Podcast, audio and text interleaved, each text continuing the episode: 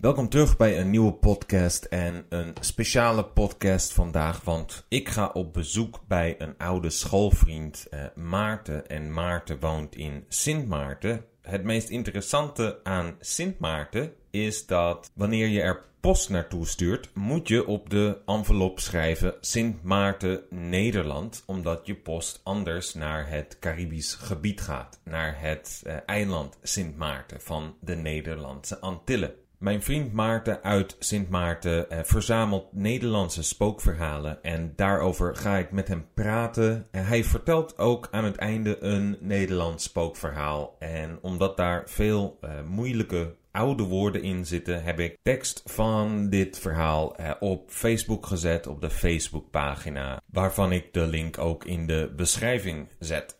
En daarmee zeg ik welkom in Sint Maarten. Ja, lieve mensen, we zijn ver van de hoofdstad. We zijn niet in Amsterdam, we zijn zelfs niet in Amstelveen. We zijn bij Maarten in Sint Maarten. In Sint Maarten. Wat gebeurt er over het algemeen in Sint Maarten, Maarten? Uh, er gebeurt hier heel weinig en dat vinden we prima. Ja, ik, ik moet een beetje denken aan wat, uh, ik ben zijn naam nu even kwijt, uit Twente, de, de cabaretier. Uh, Herman Vinkers. Herman Vinkers zei, het licht staat op rood, het licht staat op groen. In Almelo is altijd iets te doen. Exact. Nou, om daar nog een schepje overheen te gooien. Wij hebben geen eens stoplichten. Dus... Jullie hebben geen stoplichten nee, nodig. Ook niet, nee, nee, nee. Uh, Maarten, uh, ik ben hier in Sint Maarten. Uh, waarom zijn we hier? Jij hebt een, een hobby. Ik, ik verzamel spookverhalen. Ja, en specifiek, want ik heb, ik heb onlangs ook een podcast gedaan over de Vliegende Hollander.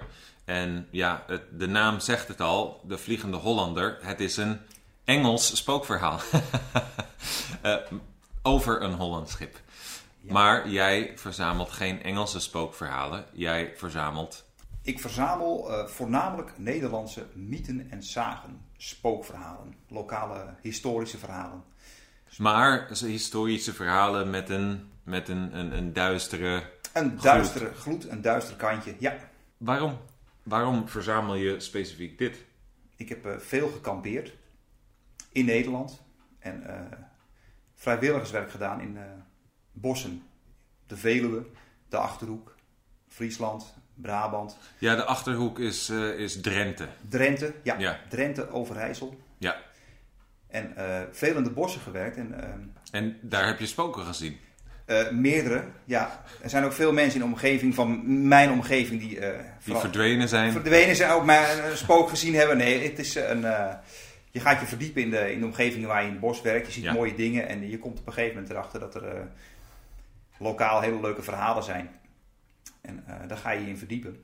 En, Maar waarom? Wat is de interesse in, in deze verhalen? We hebben s'avonds een kampvuurtje en je gaat elkaar wat verhalen vertellen. Je speelt gitaar en dan is het uh, leuk om elkaar wat bang te maken met een paar.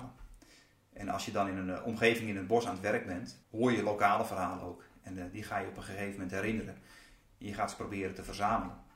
Ik heb kunstacademie gedaan. Daar heb ik leren schilderen. Oh jee. Dat zijn de ergste artiesten. Je hebt, je hebt op de kunstacademie gezeten. Ja. En welk verband heeft dat met, met de interesse in spookverhalen? Nou, ik heb leren schilderen. En ik ben ik heb, ben me gaan interesseren in klassieke kunst. En ik ben landschappen gaan schilderen. En ik kwam erachter dat ik plaatsen waar ik kampeerde, plaatsen waar ik kwam, dat ik begon te schilderen. Begon s'nachts te fotograferen. Er kwam een bepaal, bepaalde spanning in mijn schilderijen. Een bepaalde duistere spanning wist ik op een gegeven moment te creëren ook. En uh, toch een duister randje, denk ik. Maar waar, waar komt dat duistere randje dan vandaan in je schilderijen? Want niet bij iedereen komt er een duister randje in een bepaalde spanning. Toch in, uh, door te werken met licht, door te werken met uh, kleur. Maar dat is, dat is puur technisch nu. Het is een heel technisch verhaal, maar ik zou je zo niet kunnen vertellen hoe ik dat. Nee, misschien zit het in mezelf, maar het, meerdere landschappen die ik schilderde, ben ik op een gegeven moment ook bewust. ga je erop richten, maar het is toevallig ontstaan. Ja, want ik, ik zit even te denken. Ik ben heel erg geïnteresseerd in ja, horror in het algemeen, horrorfilms, horrorverhalen. En dat is vaak voor mij is dat ook een stukje. Het is een, een combinatie van twee dingen. Het is een combinatie van verrast worden. Want uh, met een stukje, uh, met, met horror, met spookverhalen, is er altijd een stukje mysterie. En dat vind ik interessant, uh, omdat ik het niet ken, omdat ik het niet weet. Ik kan het niet goed doorgronden. En iets dat daarbij komt is verwondering. en dat is denk ik ook een heel groot thema, is iets dat groter is dan jezelf. Iets waar je geen grip op hebt. Uh, hebt, waardoor even misschien de problemen in je eigen leven kleiner lijken, omdat je zo overweldigd wordt door iets dat compleet nieuw voor je is. Ik denk dat dat het voor mij is. Echte romantiek. Ik, ja, maar uh, Maarten, niet zeggen dat jij niet weet dat ik een echte romanticus ben. Heerlijk. Ja, nou ja, en dat is ook uh, de schilderstroming romantiek ja, raakt hier aan. Het is ook een klein beetje waar ik door geïnspireerd ben geraakt. Uh, diezelfde spanning zit ook in uh, de schilderijen van... Uh, van Caspar David Friedrich. Die spanning in die romantische schilderijen, die is ja, het sublieme, het overweldigende. En wat ik, om terug te gaan naar de spookverhalen, wat ik het mooie vind van spookverhalen is ook iets wat je dus, iets ongrijpbaars, om je vergelijking met Amerikaanse spookverhalen te maken net. Ik vind ze vaak heel plat, er ja. heel veel uh, voorspelbaarheid uh, komt er tegenwoordig bij. En uh, wat je in klassieke verhalen ziet, is dat er iets ongrijpbaars is en iets, ja, een goed spookverhaal. Je krijgt een, bepaalde, je krijgt een soort steen in je maag. Iemand echt bang maken, als je echt geraakt wordt door een goed en eng, eng verhaal. Dat is iets veel moeilijkers dan een een smerig verhaal vertellen met uh, bloed. En, uh... De laatste tijd, en, en uh, ik weet niet hoe, in hoeverre jij daar, ehm, jij daar ja, van op de hoogte bent, maar de laatste tijd in de, in de filmwereld, zeker sinds, sinds A24. Veel horrorfilms heeft gemaakt sinds we Shudder hebben, is er een soort revival van horrorfilms die meer over de atmosfeer gaan. Dus meer, denk aan Rosemary's Baby. Als een oude film. Mm -hmm. Waar het dus niet gaat over slasher, bloed, veel mensen dood. Ja. Maar waar het echt gaat om, om een atmosfeer. Waar ze je niet steeds probeert te laten schrikken.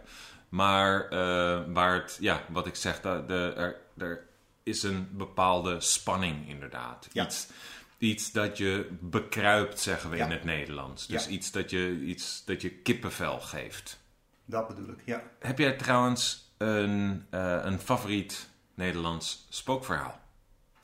Ik heb niet een favoriet Nederlands spookverhaal. Ik heb, uh, nou ja, daarom verzamel ik ze ook. Ik heb, ik heb favoriete Nederlandse spookverhalen. Ik heb er een paar uit de Twente en Overijssel die dat echt, uh, waar, ja, die echt onder je huid gaan zitten, om het zo maar even te zeggen. Ja, en, en Twente, Overijssel, de Achterhoek, Drenthe, uh, dit zijn uh, ja, eigenlijk de gebieden die meer bij de Duitse grens liggen. Daar ga je al. Ja, daar zijn genoeg spookverhalen ja, over te vertellen. Ja, ja. Um, maar ik denk dat daar ook, als je kijkt naar Nederland, als je kijkt naar de, de historie van Nederland, dat die gebieden heel erg oud zijn. Uh, ze zijn niet van de zee gewonnen. Nee. Het zijn gebieden die al veel langer bestaan, waardoor er veel meer historie in de grond zit. Er, er is een boek van uh, Marcel Meuring, goede Nederlandse schrijver. die vertelt, dat heet In Eden volgens mij. die vertelt dan over ja, Drentenaren die de ridders van een, van een lokale landheer dan in een hinderlaag hebben gelokt. Uh, ze hebben ze naar een moeras uh, gelokt om daar te vechten.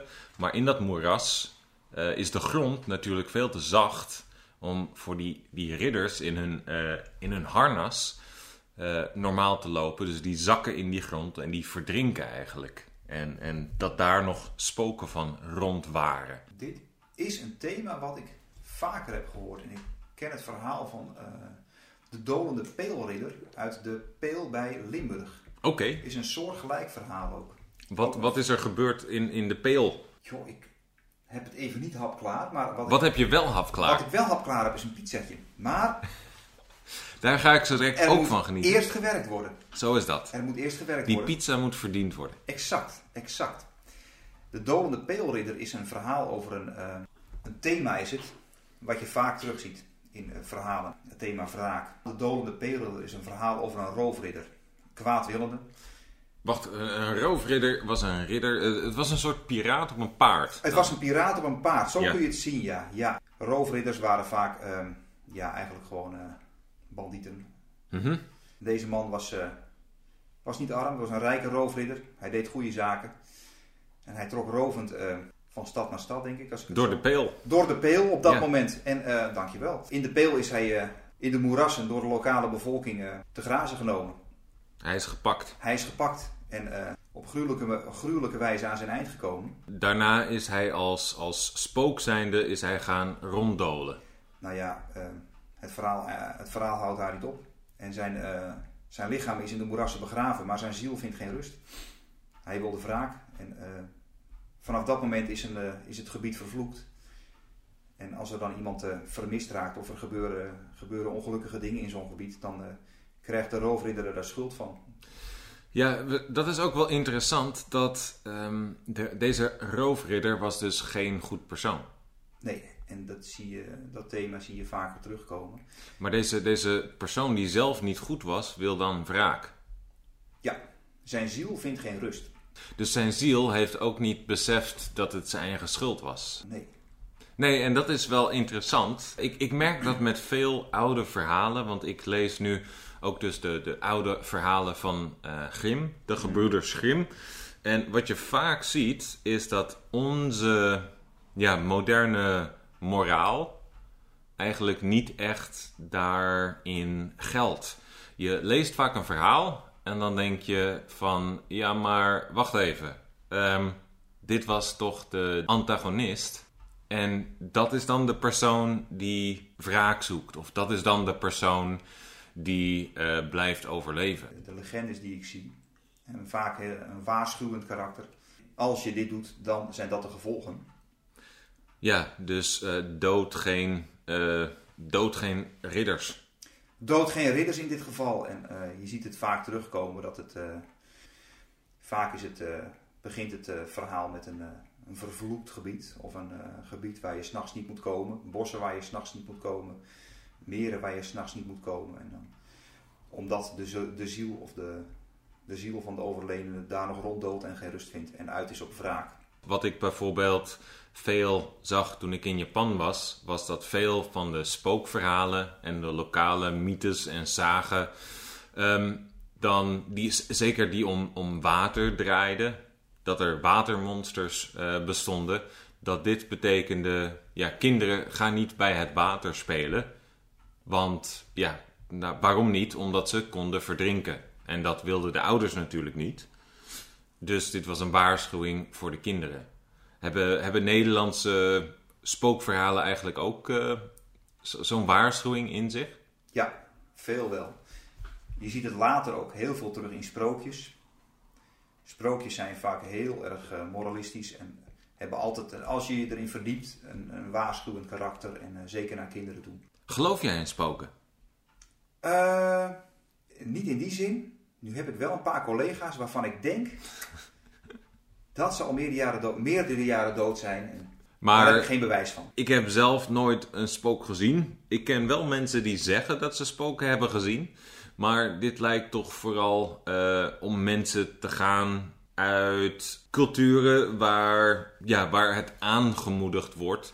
Of waar het eh, genormaliseerd is om, om spoken te zien. En ik denk dat, wij- dat wij daar misschien wel te nuchter voor zijn. Ja, Ik, ik ben wel eh, benieuwd. Ik zou wel een keer eh, naar een spookhotel willen. Een hotel waarvan ze zeggen dat het spookt. hebben wij samen meerdere spookhotels ge...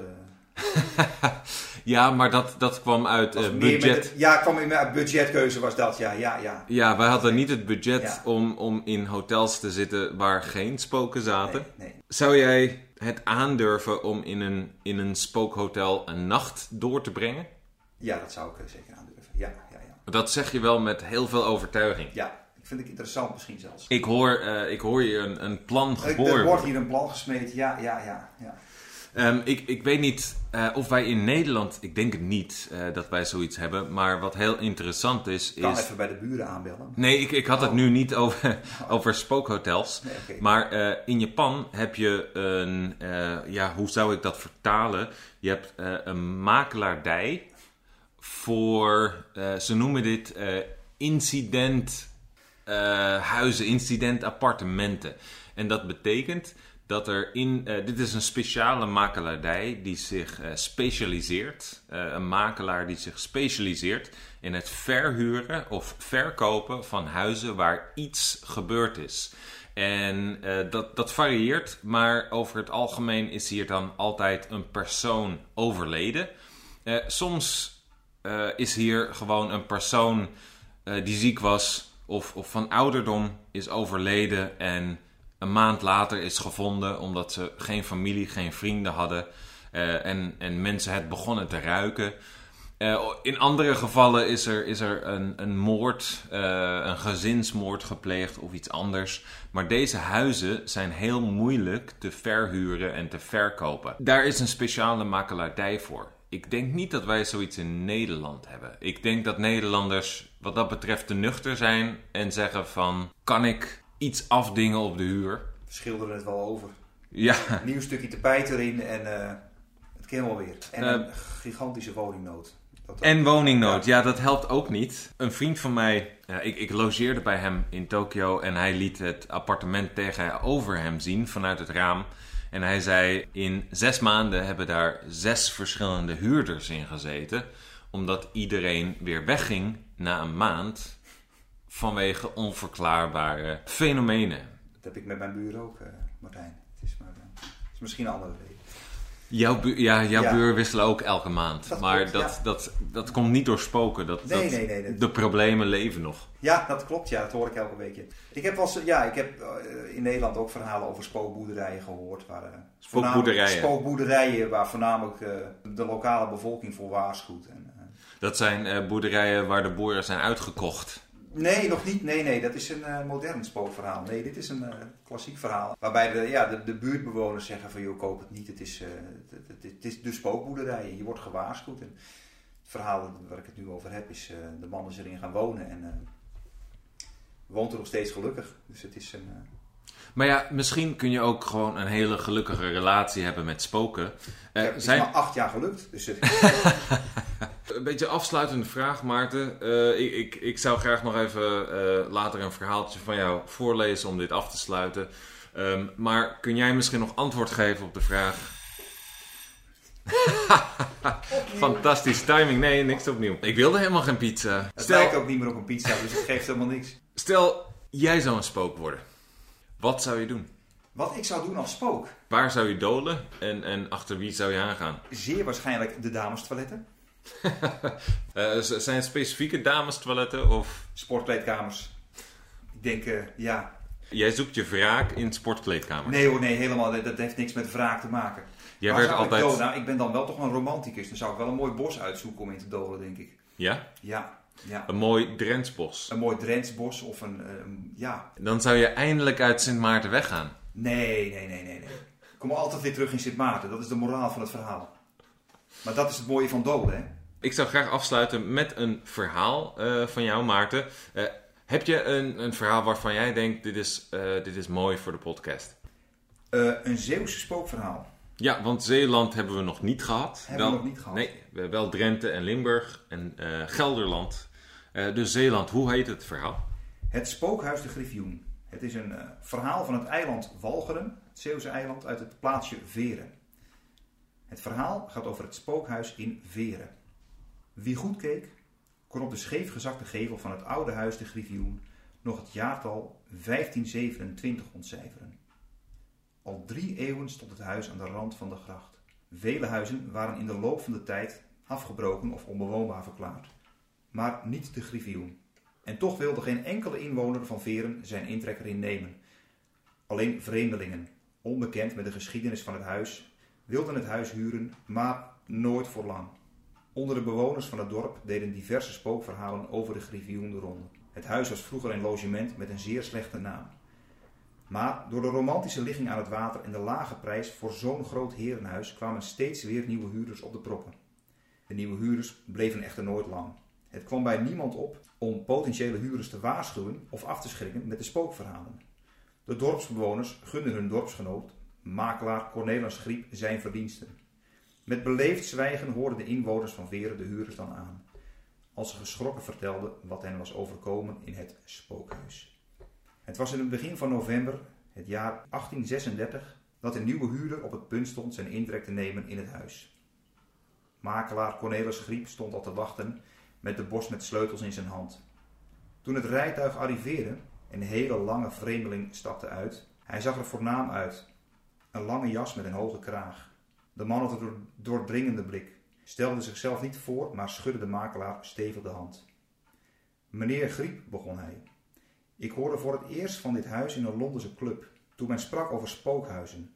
De verteller had korte tijd in het huis gewoond en was geschokt over wat hij had moeten meemaken. Maar het verbaasde me in eerste instantie dat niemand in het dorp blijk van herkenning had gegeven. Het leek of iedereen voor het eerst van de spookverhalen hoorde. Zelfs u leek verbaasd te zijn. De vreemdeling vervolgde zijn relaas. Maar eerlijk gezegd begrijp ik de bewoners wel. Waarom zou een huis dat heel veel geld oplevert in een kwaad daglicht gesteld worden? Heb ik gelijk of niet, meneer Griep? De makelaar riep rood aan en stotterde. Ja, meneer. De vreemdeling lachte geluidsloos en liep het huis binnen. De makelaar volgde schoorvoetend. De lucht in de kamers was muf en verstikkend. Wanneer de avond valt, begon de makelaar nu.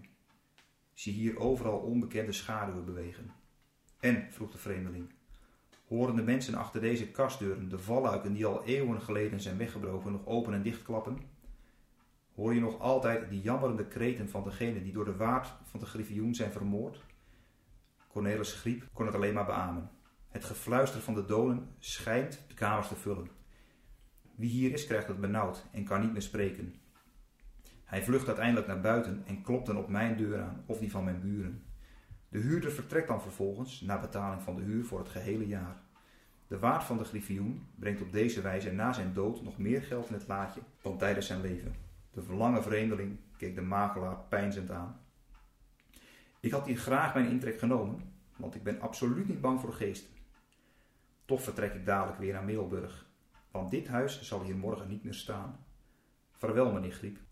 Diezelfde novembernacht stak er een storm op van orkaankracht en de volgende morgen luidden in Veren de noodklokken. Hoge golven teisten het plaatsje. Een, spring, een springvloed joeg de golven op in het Veerse gat. Het huis de Griffioen was volledig ingestort en zou nooit meer opgebouwd worden. De doden vonden nu eindelijk rust. Kijk, dat is een spookverhaal met een goed einde. Dat zie je niet vaak. Dat zie je niet vaak, nee. Maar uh, dat, is een, dat vind ik heel fijn uh, op de podcast toch een, uh, een goed einde Toch te hebben. nog een happy end. En als je Nederlanders bang wil hebben, begin dan over hoge golven, inderdaad. Ja, ja, ja, ja. Maar dat is een verhaal. Voor een volgende keer. Dankjewel Maarten. Dankjewel. Dankjewel luisteraar voor het luisteren. Uh, ik hoop dat we je niet te bang hebben gemaakt. Snaveltjes toe. En handen boven de dekens. Tot de volgende keer. Tot de volgende keer. Doei!